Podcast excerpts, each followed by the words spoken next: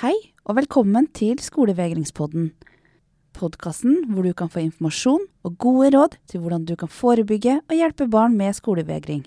Mitt navn er Renate Fossum. Dagens gjest jobber som forsker ved Læringsmiljøsenteret i Stavanger. Og hvis man googler ordet skolevegring, så er det hennes ti råd mot skolevegring som kommer opp på førstesiden. Hun er forfatter av boken Skolefravær, en bok som vektlegger relasjons betydning i det forebyggende arbeidet og tiltak mot skolevegring. Velkommen til oss, Trude Havik. Tusen takk. Boka di Skolefravær tar utgangspunkt i din egen doktorgrad om skolens rolle ved skolevegring. Hvorfor valgte du å ta en doktorgrad om akkurat dette temaet? En del tilfeldigheter som gjorde at jeg valgte akkurat det temaet, men vinklinga av skolen sin rolle eh, for vegring, fravær, var fordi at det var for lite forskning og for lite kunnskap om skolen sin rolle. Altså, fordi mye av de studiene som var gjort før, var gjort på, eh, av psykologer og psykiatere, og da var det gjort på kliniske populasjoner. Og det betyr jo at det er eh, en eh, gruppe gruppe med barn som har vært lenge vekk fra skolen og blitt ganske syke. Så da er det eh, ofte litt det er senere å komme i gang. Jeg var opptatt av det forebyggende perspektivet. Altså kan vi, kan vi gjøre noe tidligere som gjør at vi kan hjelpe dem sånn at de ikke blir skolevegrere? Og hva betydning har skolene? Er det kun individ, kun familie, eller er det òg Kan skolen være så ille at det kan være grunn nok til å bli utvikle skolevegring. Men nå er jo skolevegring òg et litt uh, vanskelig uh, og diskutabelt uh, begrep, for så vidt. For det er jo ingen diagnose. Så det er jo bare noe vi bruker som et navn på elever som har et emosjonelt ubehag mot å gå på skolen. Og da kan det jo være knytta til enkelte lærere eller enkelte fag eller enkelte aktiviteter eller medelever som gjør at det ubehaget dukker opp. Mm. Uh, så bruker du i boka di de begrepene skolefravær og skulk også. Kan du klare å definere de også?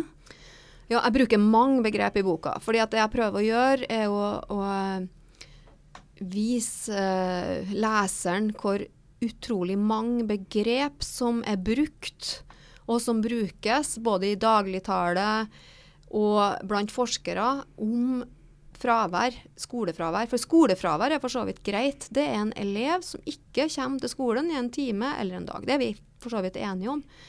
Men så har du da mange typer fravær. Og Én ting er jo å skille mellom dokumentert og udokumentert fravær.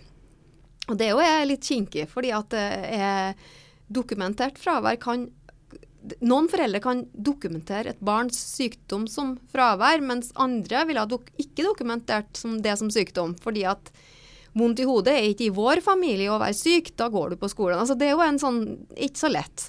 Så der begynner jeg allerede å ha en eh, Altså å, å vise til en del utfordringer knytta til begrep. Men så har jeg da det med skulk og vegring, hvis en skal snakke om Noen, noen forskere eh, ser på det som skolevegringsatferd. Eh, da inkluderer både skulk, skolevegring og, og separasjonsangst. Men så er det andre da, som skiller mellom skolevegring og skulk, fordi eh, en som skulker skolen, har mista mer motivasjon og engasjement for skolen, mens det har ikke en vegrer gjort. En vegrer vil, men klarer ikke. Så det er kanskje det største skillet. Og foreldrene til en som vegrer seg, vet nesten alltid at hvor ungen er hen. Den er hjemme, og kanskje i senga. Mens en som skulker, eh, tror foreldrene er på skolen, men de har lurt både skolen og foreldrene. Eh, og de skjuler fraværet fra foreldrene og har oftere eh, atferdsforstyrrelser, som ikke er så vanlig igjen til den som vegrer seg, for der er eh, angst og depresjon mer vanlig igjen. Men det trenger ikke å være til stede, men det kan være. Så, så det er vi Når du forsker på det, så er det viktig å skille, eh, mener jeg og en del andre. Eh, og når du skal igangsette tiltak, så er det i hvert fall viktig å vite om det er en vegrer eller en skulker. For en vegrer trenger andre tiltak. Du skal redusere angsten, du skal redusere stresset hos et barn som har vegring, mens hos en som skulker skal du kanskje øke motivasjon og engasjement og lysta til å komme på skolen. For skolen er kjedelig. Og det er mye annet attraktive ting på utsida av skolen som er mye mer forlokkende, som å være sammen med kompiser og kanskje gjøre litt gale ting. I forordet så gir du den største takken til din egen datter. Og så skriver du at hun er et bevis på at gode vaner om tilstedeværelse i skolen kan legges tidlig med et mildt press fra foreldre. Har hun vært et bidrag inn i din egen forskning? Nei, hun har ikke det. Uh, uh, men alle som har barn, opplever vel at vi At barna våre viser tegn til å ikke vil gå på skolen. Altså det, det er vel en del av eh, opp, oppdragelsen, uh, tror jeg. Så jeg har jo hatt noen uh, tilfeller av uh, tendenser til å vi ikke ønsker å gå av ulike grunner. Um, så jeg, jeg tror vi alle bruker oss sjøl inn i forskninga når vi kan. Ehm, men jeg har, em, jeg har kjørt en veldig sånn streng eh, litt Sånn som jeg sjøl ble oppdratt. eh, eh, type du skal gå på skolen hvis du ikke er sjuk. Og det har ikke vært et spørsmål, selv om hun har prøvd.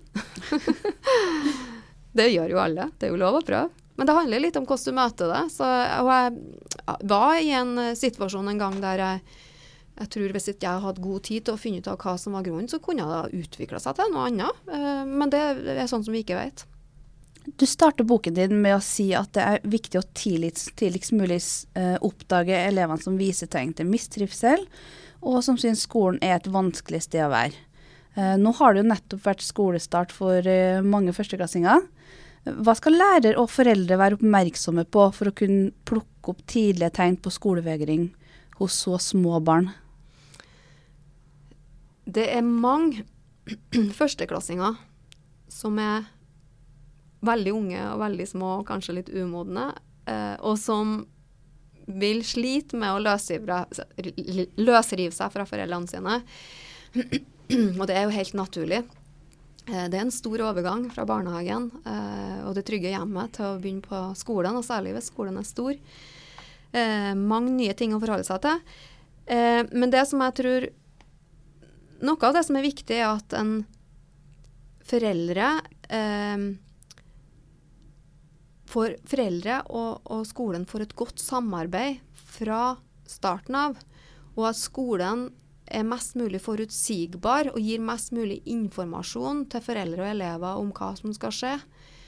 Um, og hvis du som lærer har fått informasjon fra barnehagen om sårbare barn, eller, eller lenger opp i klassen at du får informasjon om at du skal få en klasse med noen sårbare barn, så er det viktig å, å forebygge at det skal utvikle seg til noe.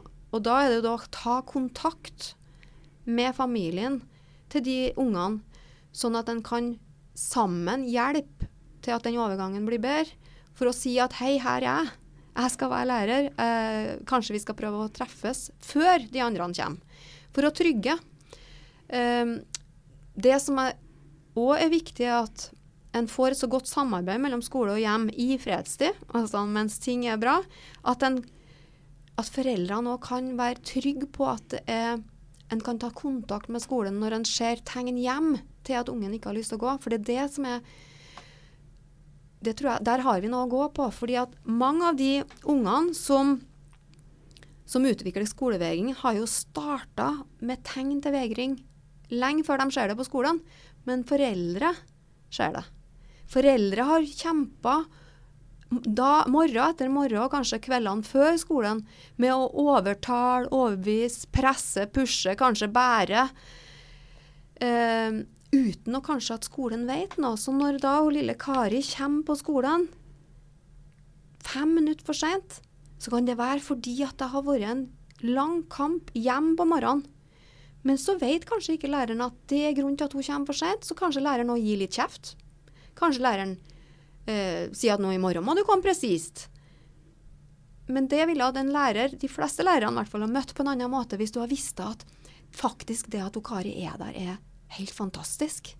Og hun må heller du må heller få skryt for at hun har kommet fem minutter for seint, i stedet for ingen, ikke i hele tatt. Men da er det da igjen da, det samarbeidet som blir viktig mellom, mellom, skole og hjem.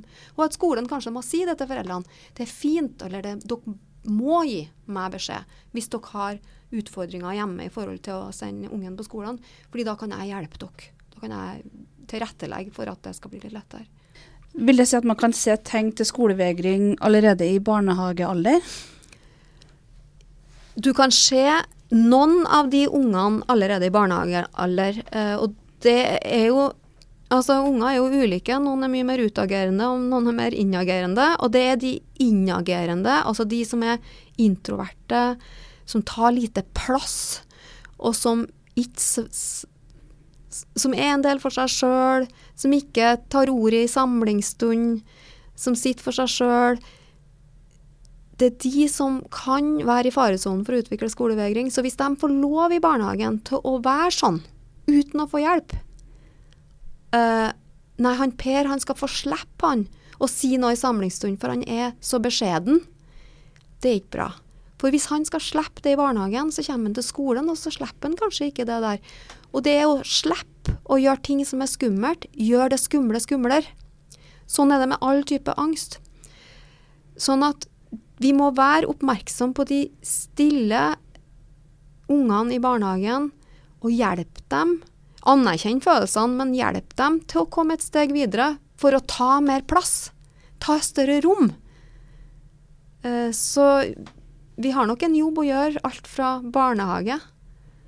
Eh, og så da overgangen til skolen, og så har du da oppover eh, ja, så kan det gå ganske fint da, fram til at det blir for mye krav og for mye både faglige og sosiale krav. Så kan det gå fint, og så plutselig så går det så opplever du at ungen vegrer. Men hvis du blar litt tilbake, da, så vil du kanskje se tegnene. Men du har ikke vært klar over at det var tegn. Så de tidligste tegnene er jo endring i atferd, men det er tegn til type engstelse. Sjenerthet. For sjenerthet kan være sosial angst. Og sosial angst trenger behandles, og ikke forties eller, eller få slippe. Hvordan er det generelt for elever å starte opp igjen etter en ferie? Er det en risikofaktor uansett hvilket trinn de går på? Ja, det er en risikofaktor. Alle overganger. Ikke bare overgangen med å begynne på et nytt trinn, men overgangen etter alle ferier, helg, langvarig sykdom, langvarig Altså lenge altså, leng vekk eh, fra det eh, fra skolen er en risikofaktor. fordi da er det et brudd på noen rutiner. Så en skal være oppmerksom ved alle overganger. Har du hatt en elev som har vært lenge vekk pga. reell sykdom, så skal en være litt opp, oppmerksom på den eleven med å gi litt ekstra tid for å trygge. Fordi en har gått glipp av både faglige og sosiale i en kanskje lengre periode. Det er jo hvis det er én elev, men, men altså overganger etter ferie, da gjelder jo alle. Så alle er i samme situasjon da at en er litt utrygg i oppstarten. Og det er jo alltid utrygt med nye ting. Og elever som har slitt med skolevegring, er mye mer opptatt Eller har behov for mer forutsigbarhet enn andre unger. Alle unger har godt av forutsigbarhet. Alle mennesker har godt av forutsigbarhet. Eh, men noen er mye mer avhengig av forutsigbarhet og trygge rammer. Eh, og i overganger så er det, det er mye som skjer, eh, både faglig og sosialt, og kanskje ny lærer, og så har du nye fag, og så du, skal du i et annet rom, og det er masse endringer. Så vær oppmerksom ved alle overganger. Det er viktig. Både som foreldre og, og, og lærere. Mm. Du var inne på det med angst. Um, hvis vi skal snakke litt om separasjonsangst, da. Henger det ofte sammen med skolevegring? Elever som eller barn da, som har vist tegn til separasjonsangst i barnehagen og i oppstart på skolen, er jo mer sårbare, sånn at de er i større risiko for å utvikle det. Mm. Så hvis du har slitt med, eh, med, Altså at barnet ditt har slitt med løsrivelse i barnehagen, så vær litt oppmerksom når ungen begynner på, på skolen. Eh, og hvis det varer ved, eh, så er det lurt og nødvendig å få hjelp. For da kan det ha utvikla seg til en lidelse. Hmm. Hvor Hva tenker du er lenge, da? Nei, altså det er jo, det er jo fra tre Altså fra, fram til sånn fem år så er det kanskje ikke så uvanlig med separasjonsangst. Men hvis det varer ved utover i første klasse Hvis det varer lenge i første klasse Altså én ting er at det er i uke og to og tre i første klasse. Men hvis det varer lenger, så hadde jeg i hvert fall villet tatt en samtale med en helsesykepleier eller eh, For å spørre om Få noen råd. Hvilke andre risikofaktorer finnes det, og hvilke ser du på som de største? Risikofaktorer til skolevegring, eh, hvis en tenker det sånn her, så, så, snevert som det med emosjonelt ubehag, eh, er jo ulike typer angst. Det kan være manglende mestringsstrategier, det kan være negativ tenkning. Det spørsmålet er nå da hva vi nå tenker på. Barnet har noen risikofaktorer for å være at den er mer sårbar, eh, mer eh, introvert. Eh, sliter litt i sosiale sammenhenger, kanskje mangler sosial kompetanse. Hvis vi tenker på skolen, så var det jo skolefaktorer jeg prøvde også å se nærmere på. Og det som vi, vi gjorde for å prøve å finne For det er vanskelig å, å forske på noe fordi ting henger litt i hop. Så det vi prøvde å gjøre, det var å ta vekk noen forhold som vi vet betyr noen ting. Og det emosjonell sårbarhet er noe som vi la inn som en kontrollvariabel. Og selv om vi la det inn og tok det på en måte vekk i analysene, høres litt rart ut når jeg sier det sånn, eh, så ble det igjen faktorer i skolen som var sentrale. Og det handla om sosial isolasjon ungdom, på ungdomstrinnet, og særlig mobbing på barnetrinnet.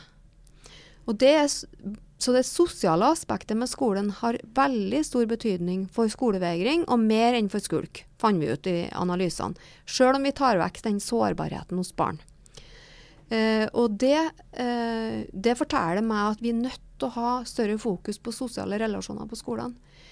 Det å ikke ha noen å være sammen med er en veldig stor sårbarhet. Nå er det ikke sånn at alle har lyst til å være like sosiale, og én venn kan holde det, men hvis den vennen da flytter, så kan det være veldig krevende å være den som blir igjen.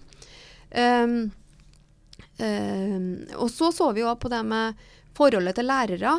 Og det Relasjon til lærer uh, betyr ikke så mye veldig sånn direkte, men det betyr noe indirekte via det læreren gjør mot klassen.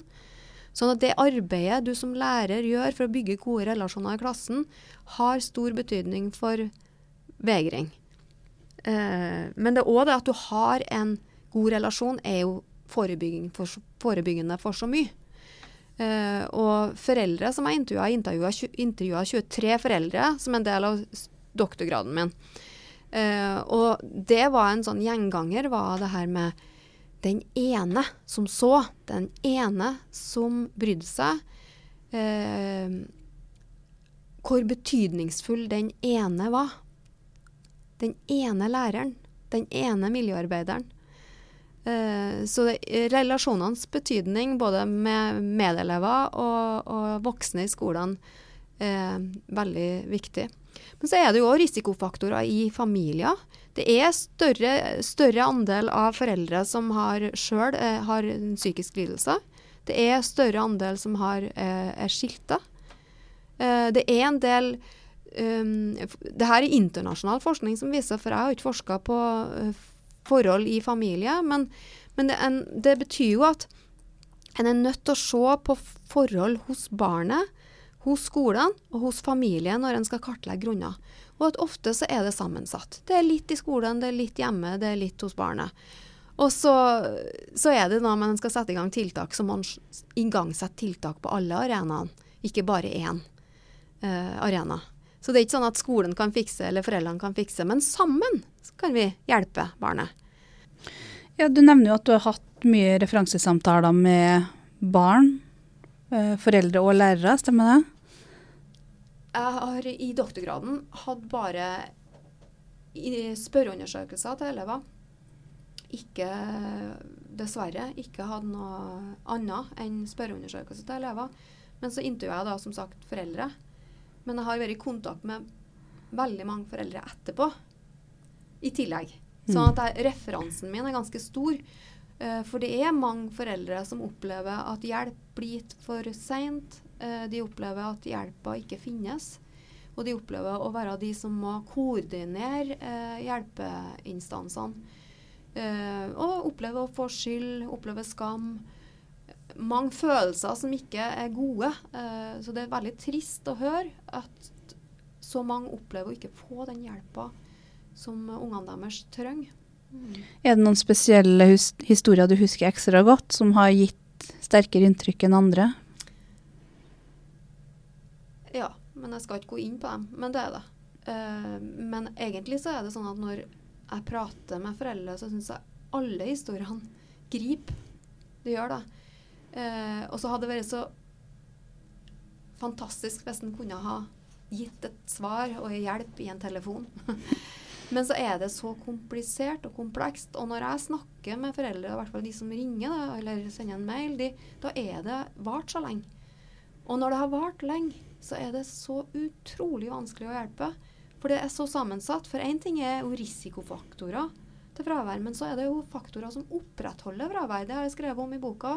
Og de faktorene som opprettholder, kan være såpass sterke har blitt når det har vart lenge. Og det er forståelig òg at det blir sånn.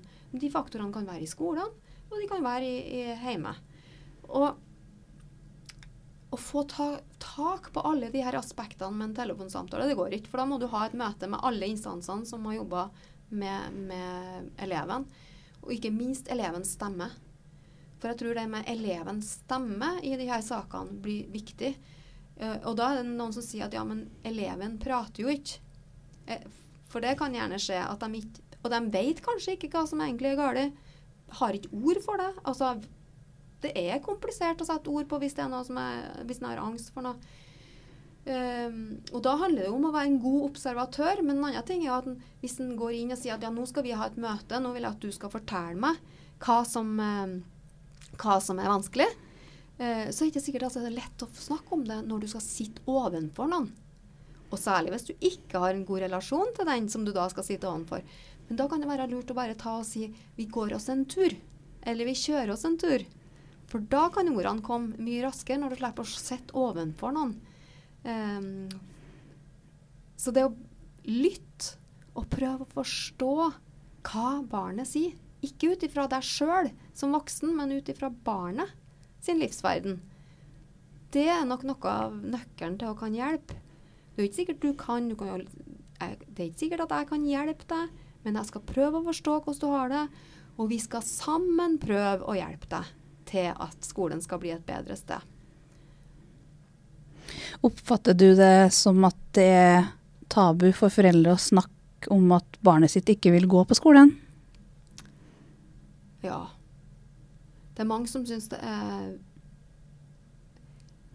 det, det, det, akkurat som de opplever en sånn skam. fordi at når de, de snakker med andre, om det, så er det så lettvint. Det er jo bare. Altså, det hører, altså En får kanskje ikke så veldig mye gode råd og, og, god forståelse, for det er jo ikke akkurat noe Det må jo du bare bestemme. Og så er det ikke så lett som det. Så ja, mye skam. Eh, foreldre Jeg husker ene, foreldre, ene mora jeg intervjua som en del av doktorgraden, hun lurte på om jeg prata med flere. Er det flere som har det som meg? Og det er litt sånn Derfor er det viktig å snakke om det. At ja, du er ikke alene. Det er mange som sliter med å få ungene på skolen. Um, og da er det viktig at du er åpen om hva som er vanskelig hjem, eller foreldre er åpne om hva som er vanskelig hjem, skolen er åpen om hva som er vanskelig på skolen. Og så må vi prøve å få barnet i tale, da, sånn at uh, han eller hun òg forteller hva som er vanskelig. Og så er det igjen da det samarbeidet. Altså det er Det må være tett, tett samarbeid og gode relasjoner og tillit mellom skole, hjem, barn. Hva sier de foreldrene du har snakka med om skole-hjem-samarbeidet? De, nei, de syns det er krevende. Eh, de, de, opplever at de må være koordinatorer. De opplever å ikke bli forstått, hørt, få, bli, få hjelp for seint. Eh, tildelt skyld. Eh, de syns det er vanskelig. Og de syns det er vanskelig å vite hvor de skal gå hen for å få hjelp når samarbeidet med skolen har låst seg. Um, og det er jo beklagelig. Jeg tror at flere skoler i dag har mye mer kompetanse. Uh, de, i, alle fall er det, I alle fall er det mange skoler og kommuner som jobber godt med det, som har laga handlingsplaner og virksomhetsplaner. og Så gjenstår det å se om de brukes. Um, men det er klart at òg uh, når det står fram uh, foreldre, barn, unge i media, så er jo det òg med å gi denne utfordringa et ansikt. Uh, åpenhet. Kanskje dermed òg mindre skam. Uh, tøft av dem som gjør, står fram, men jeg tror det er nødvendig at en får et ansikt på, på utfordringa. Og så er det jo sånn at uh, Skolevegring det var jo ikke noe som vi snakka noe om før. Jeg jobba i PP-tjenesten for en del år siden og hadde ingen saker tilmeldt på de fem årene som handla om skolevegring. Jeg hadde aldri hørt om det. Så det er jo noe som uh, Er det et nytt fenomen? Nei, det er det ikke. Uh, er det et økende fenomen? Ja, det rapporteres jo om at det er flere som sliter. PP, altså det meldes flere til PPT. Skoler rapporterer om at det er et uh, økende problem.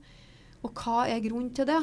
Uh, det spor ikke noe om nå, men for det er jo noe som du kan tenke mye på. Liksom, hva er det som gjør da at dette er en utfordring som flere, flere strever med? Og det er, tror ikke jeg er ett svar på. Uh, og uh, kanskje skal ikke vi gå inn på det engang, om hva som var, kan være grunnen. Poenget er at det er sånn, og at uh, jeg tror mange skoler jobber seg òg i hjel med noen av de sakene. Altså de strever, og de prøver. og så er det jo da noe som, som ble sagt i de intervjuene jeg gjorde som en del av doktorgraden, at vi opplever at skolen prøver å streve alene uten å dra oss inn i samarbeidet, eller uten å kontakte andre, så husker jeg en mor som sa det. Det var så deilig å høre når læreren sa at jeg er nødt til å kontakte en rådgiver som kan noe om dette her, for jeg kan det ikke. Og hun syntes det var så godt å høre at de innrømte at de ikke hadde kompetanse. For da var det lettere å si sjøl at, at, hun sleit. Så det er jo en sånn hm, ja. Hvorfor tror du den kommunikasjonen med skolehjem er så utfordrende? Det er bestandig når det er noe som blir vanskelig. Ikke bare når det gjelder skolevegring. Det er ved alle altså Det er sånn som går igjen eh, med når du, når du sliter. Nei, det er vel det at du, du opplever ditt barn på en annen måte hjem enn skolen opplever sitt barn. Og du ser ditt barn, eller altså mor eller far ser sitt barn, mens læreren har 25, og at det kan være noe av utfordringa. Um, um, at en forstår eller ser utfordringer fra ulikt perspektiv. Uh, og så er det litt sånn rart òg, fordi at en skulle jo tro at hvis en har barnet i sentrum, og så tenker skolen inn mot det, familien inn mot det, venner osv. inn mot barnet. Så er vi sammen med å tegne et større bilde av ungen, sånn at det blir et rikere bilde som blir mer rett. For jeg tror at uh, situasjonen hjem kan være annerledes enn en opplever på skolen. Kanskje det er det som gjør det at ungen er annerledes på skolen enn hjem. Vanskelig å si. Hva er grunnen? Men det er ikke uvanlig at en opplever at det blir vanskelig med samarbeidet. Og da er det viktig å få inn en annen instans eh, som kan være med å megle. fordi at det samarbeidet må på plass for at en skal klare å komme videre. For nå er det jo sånn at skolen har én agenda, og det er å tilrettelegge undervisninga for alle elever og gi et trygt og godt læringsmiljø for alle elever. Mens foreldrene har en oppgave om å få ungen på skolen. Og så er det av og til at det må ei bru til imellom. Og det er jo det òg. Hvem hjelper til i den brua?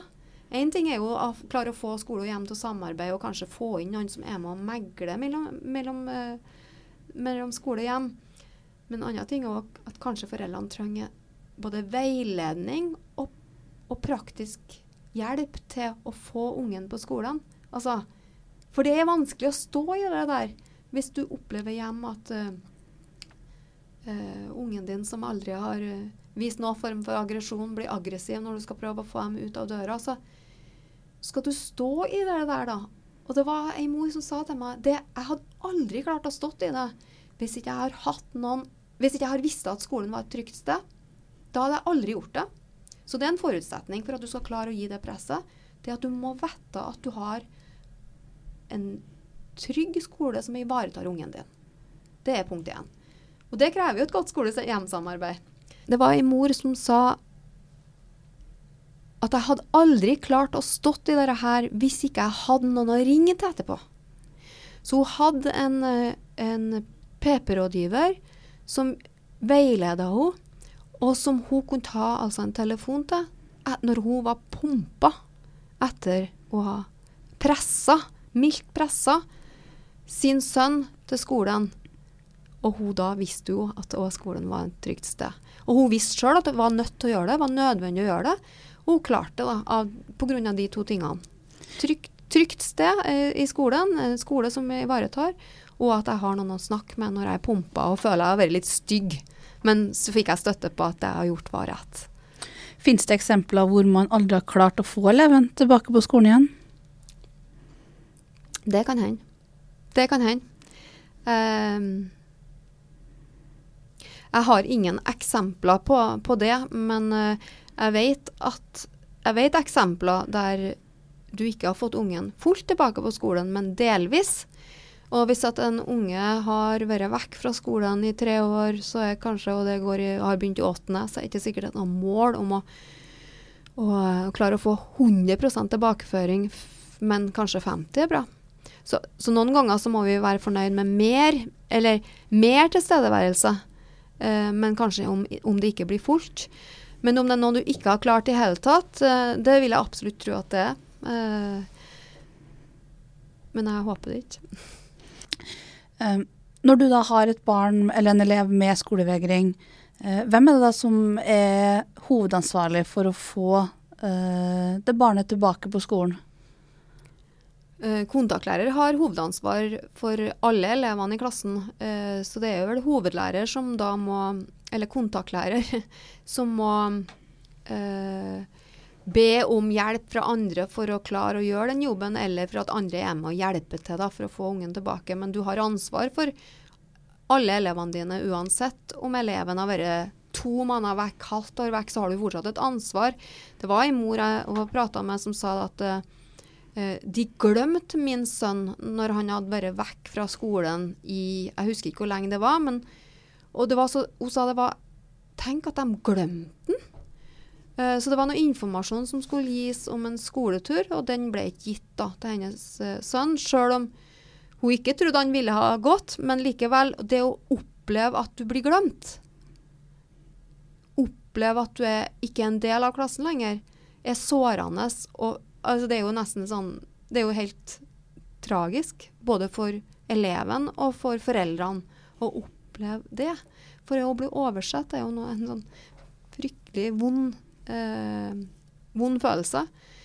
Eh, men igjen så håper jeg det er jo unntak, da. Eh, men eh, ja, jeg håper det er unntak. Så det med å fortsatt um, føle at man har tilhørighet til klassen sin, det, det, er, viktig. det er viktig. Ja, fordi målet er jo tilbake. Alltid skal målet være tilbake og komme tilbake til klassen.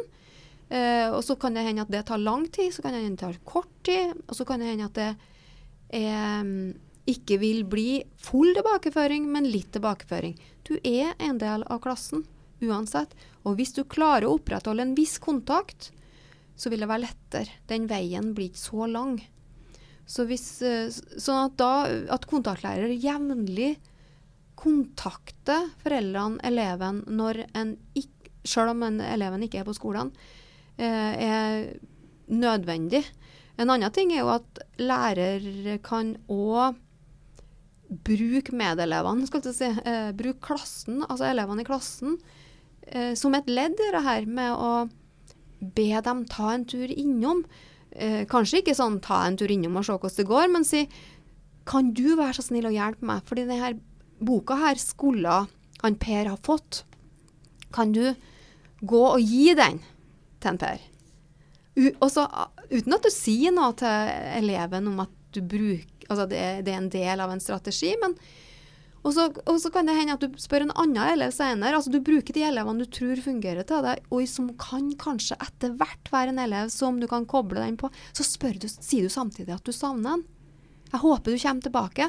Og så kan det være neste gang. og si, Ring til foreldrene og si du, jeg, nå har jeg fått han Kåre til å, å gå hjem til en Per. Er dere hjemme? Har dere mulighet til å be inn, kanskje i en kopp kakao, liksom. Og så kan jeg neste omgang jeg si at eh, kan det gå an at du spør om dere kan slå følge til skolen? Altså igjen det her er litt og litt og litt, men med et mål om tilbakeføring. Det, det kan være lærer, eh, det kan være en timelærer, det kan være en miljøarbeider, men òg medelever. Eh, det tror jeg har enda større effekt. Og i hvert fall når de blir gamlere, for da er jo venner viktigere enn eh, de voksne. Hva med helsesykepleier sin rolle? Ja, jeg håper eh, Helsesykepleier har en eh, eh, unik mulighet til å bistå både familien og eleven med ulike typer eh, Altså både samtaler, men òg kanskje form for behandling. Eh, og skal etter den nye veilederen som de jobber etter, jobbe mye mer òg i miljøet. Så det ville vært helt naturlig å koble helsesykepleier på eh, den, eh, arbeidet rundt elever som sliter med å gå på skolen. Både forebygging eh, og, og når, når, elever begynner å vise tegn til skolevegring. Kan skolefravær være motivert fra foreldrene sin side? Ja, det kan det. Vi vet ikke hvor stort det problemet er.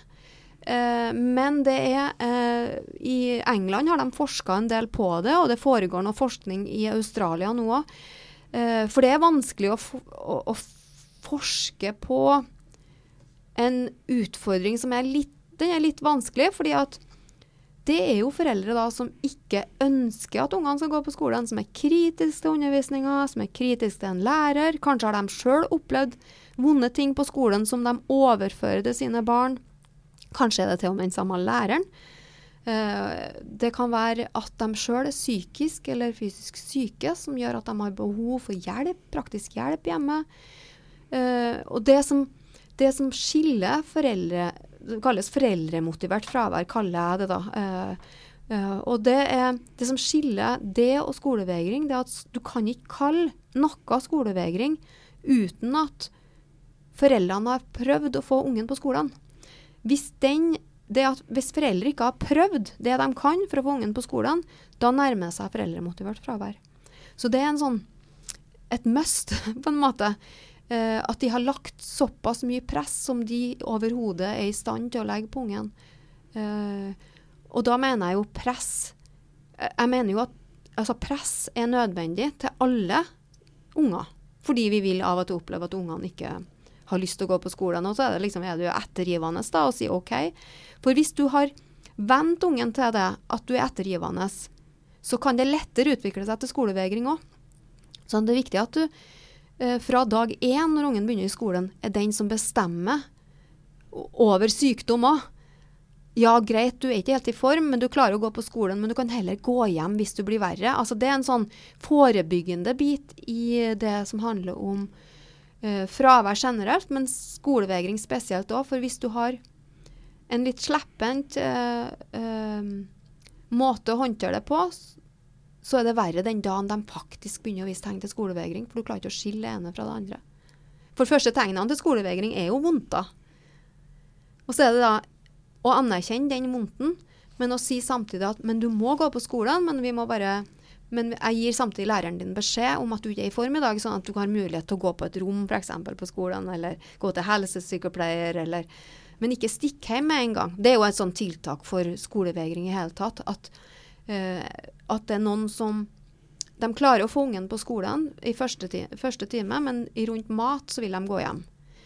Og hvis de da vil gå hjem, da, og læreren sier OK, og foreldrene sier OK, så er det bedre å si at ta et glass vann, eller gå på det grupperommet som vi har avtalt. Gjør en avtale på forhånd og si at hvis du kjenner på noe av de følelsene uh, mens du er på skolen, uh, vondter, uopplagt, kvalm, ta og gå til, eller gå på det rommet, eller ta en tur rundt skolen, gå på do. Altså noen sånne, Lag sånne strategier. Er det en sammenheng i utdanningsnivået til foreldre og barn med skolevegring? Nei, det er det ikke. Det er mer sammenheng mellom utdanningsnivå og skulk. Uh, lavere, lavere, utdanning hos det er mer vanlig hos de som skulker. Men det er ingen eh, uh, I hvert fall har ikke jeg sett noen studier som viser noe sammenheng mellom sosioøkonomisk status, bl.a. utdanning, og skolevegring. Det forekommer til i alle sjikt. Mm. Er det noen sammenheng i hvilke type elever det er som får skolevegring? Ja, det er mer de som er sårbare, stille, introverte. Det er mer av dem enn en elever med form for uh, atferdsvansker. Mm. Hva med evner, er det noe sammenheng der? Uh, det er, er, Nei, det er ikke funnet noe sammenheng i de studiene jeg har kikket på, men jeg vet at uh, Um, det er en del diskusjoner og en del foreldre som opplever at de har barn som er evnerike, som utvikler skolevegring. Uh, er, men det jeg ikke er sikker på, det er om det er skolevegring de utvikler, eller om det er en form for uh, manglende motivasjon, og, og, skolen er kjedelig. Altså, for da er det mer type går mer mot skulk. Så jeg, det der er jeg faktisk litt usikker på. Men at mange uh, evnerike sliter med å gå på skolen eh, fordi de ikke får utfordringer nok og ikke blir forstått, det, eh, det vet vi. Mm. Hva er barnevernet sin rolle i slike skolevegringssaker? Um, ja, det, litt, eh, det, tror jeg er litt avhengig av kommune, altså fra kommune til kommune. For noen uh, Barnevernet skal jo bidra foreldre som trenger hjelp uh, i omsorgssituasjon. Og en, en, omsorgssituasjon kan jo handle om det å få ungene på skolen og gjøre skolearbeid og sånn, men, uh, men Og barnevernet blir ofte henvist til eller meldt til hvis øh, foreldre ikke klarer å få ungen på skolen.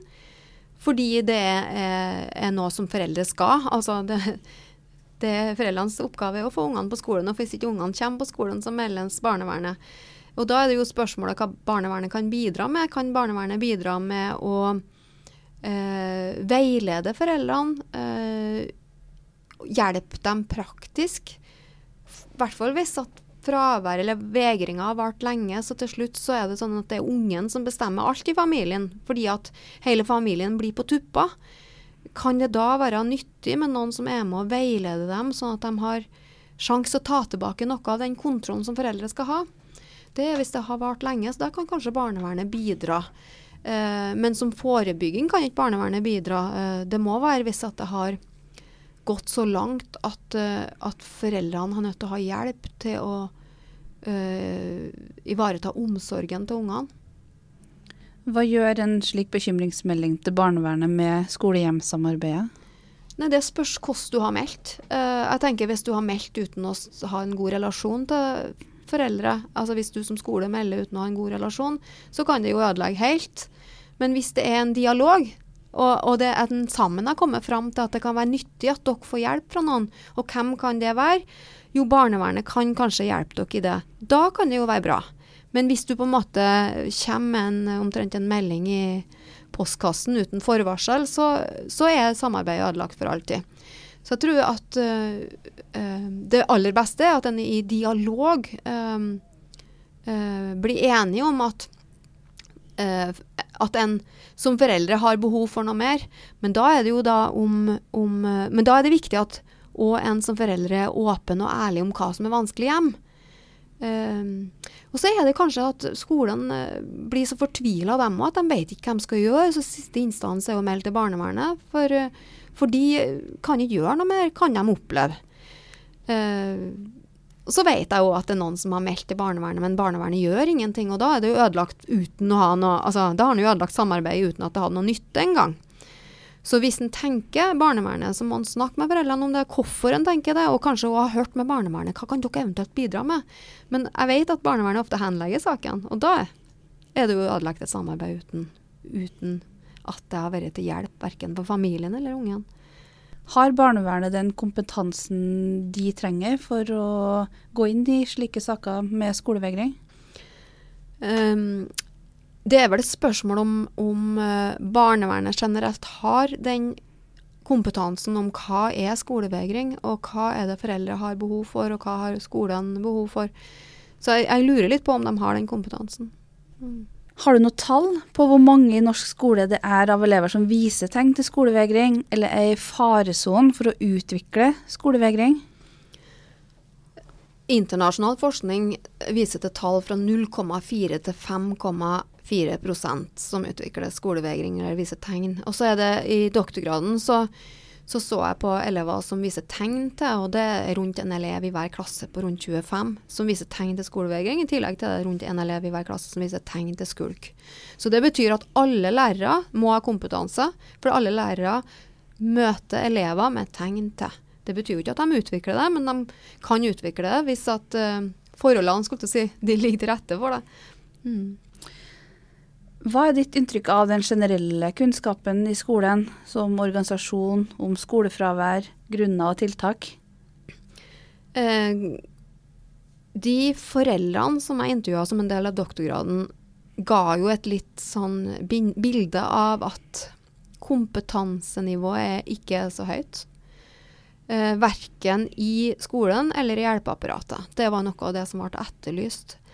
Noen av de har jo da strevd med skolesystemet i noen år, og noen var mer ferske på det. Og eh, det som jeg tror på det området her, som alle andre, det er at det varierer fra skole til skole og kommune til kommune. Eh, jeg har inntrykk av, og det her er et inntrykk jeg har da, over at det er flere og flere som er opptatt av tematikken, og at kompetansen øker eh, hele tida, fordi de søker eh, kompetanse, og de ønsker å hjelpe. Eh, det har jeg aldri vært i tvil om at de ønsker, eh, men men òg at de forstår kompleksiteten på en bedre måte enn før, kanskje. For det, nok en, har nok en sammenheng med hva forskning har vist før når det gjelder skolevegring, at det har vært veldig individorientert.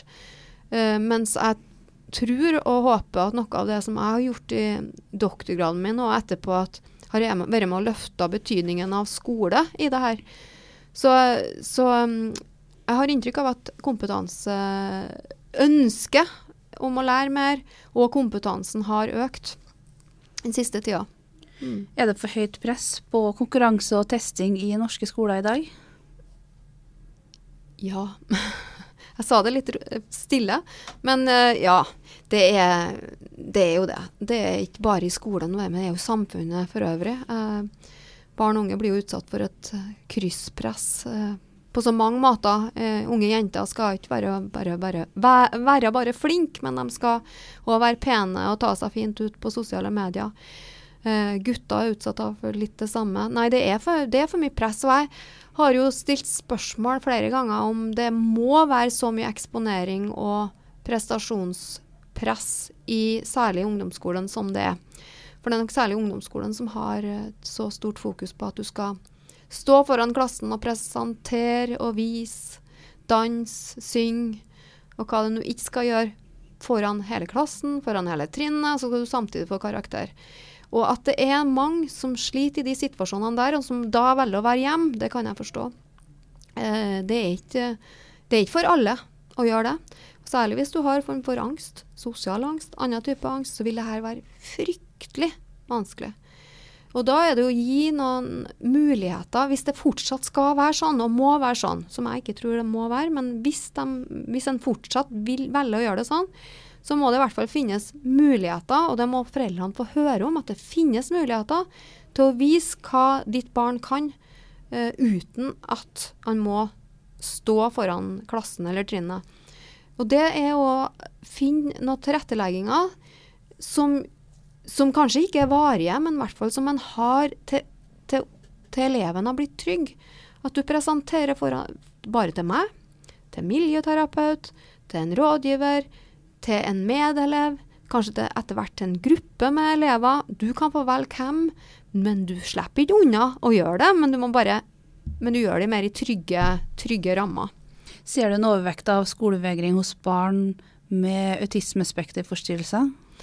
Ja, studier viser um, Ellen Munkhaugen har gjort uh, sin doktorgrad på temaet og viser en betydelig høyere risiko for skolevegringsatferd blant uh, autismespekterforstyrrelser. Og da er, det snakk om sånn 40% mot 7 uten uh, diagnosen.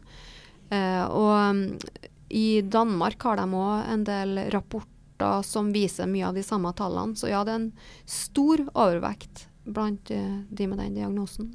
Hva tror du er den største grunnen til at elever med autismespekterforstyrrelser blir skolevegrere? De har enda større behov for forutsigbarhet, kontroll, trygge rammer enn andre unger. Eh, og skolen er ikke alltid så forutsigbar som de har behov for. Um, det kan òg være at de har behov for å lære på en litt annen måte. Men uh, eh, tilpassa opplæring er jo ikke så lett å få til i praksis, det heller. sånn at uh, Det kan òg handle om, eller det gjør det nok, at kompetansen om uh, den diagnosen er for liten hos enkelte lærere.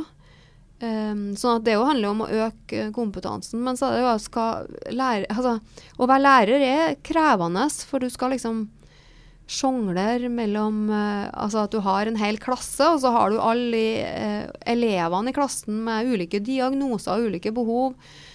Uh, så jeg sier jeg tar av meg hatten for alle som ønsker å være lærere, og det finnes utrolig mange gode lærere der ute. men men det er jo elever som kan utfordre lærere litt, og, og den diagnosen ja, kan være krevende. fordi de òg er så forskjellige. Sant? En skolevegrer er så forskjellig. Sant? En, møtt én skolevegrer, så betyr ikke at du da kan hjelpe en annen og forstår en annen vegrer like godt. Men det er jo noen prinsipper som er litt like. Og de prinsippene for skolevegring er jo veldig like for en som har asperger, men de må være enda Altså, du må stramme det inn enda mer enda mer bedre, altså jobbe enda mer med relasjoner, enda mer med forutsigbarhet. Uh, og, og, gi uh, kontroll og, og, støtte. I boka di så um, nevner du at du ønsker en nasjonal rapportering av skolefravær i Norge.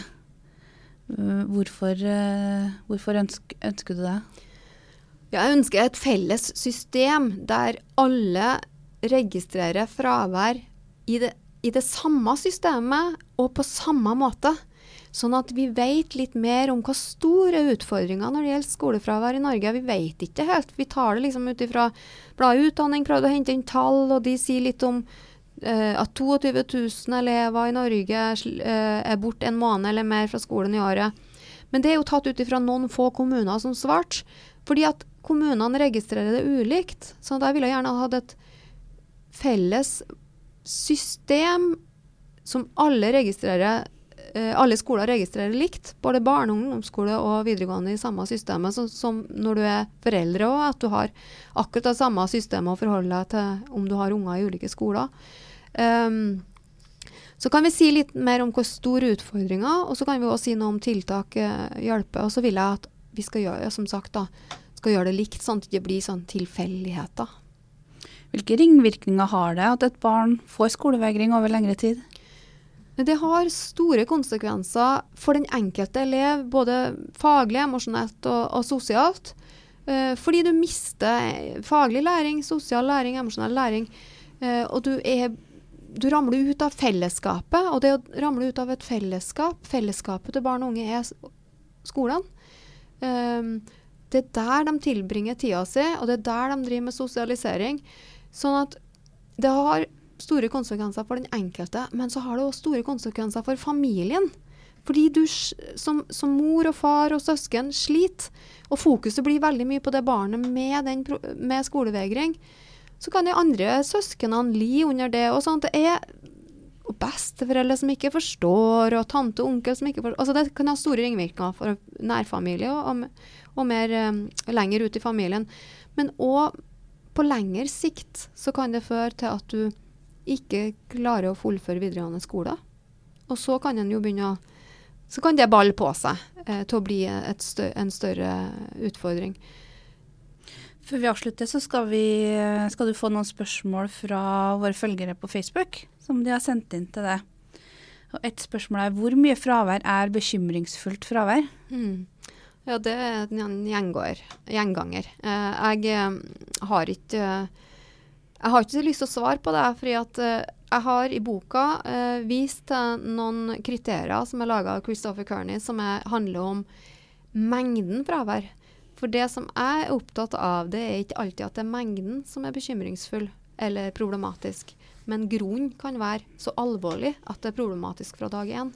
Derfor er jeg redd for sånne typer kriterier. Uh, du kan godt ha sånne kriterier, men samtidig må du legge inn alvorlighetsgrad av grunn. For hvis et barn har blitt utsatt for en voldsepisode på vei til skolen, og det er grunnen til at eleven ikke kommer på skolen, så er grunnen så alvorlig at det er problematisk fra dag én. Så er det et annet spørsmål. Hva er ditt råd til ungdomsskole som skal ta imot elever med langvarig skolefravær? Altså elever som allerede før overgang til ungdomsskole har hatt store utfordringer knytta til det å komme på skolen, og vært hjemme i alt fra tre måneder til et par år.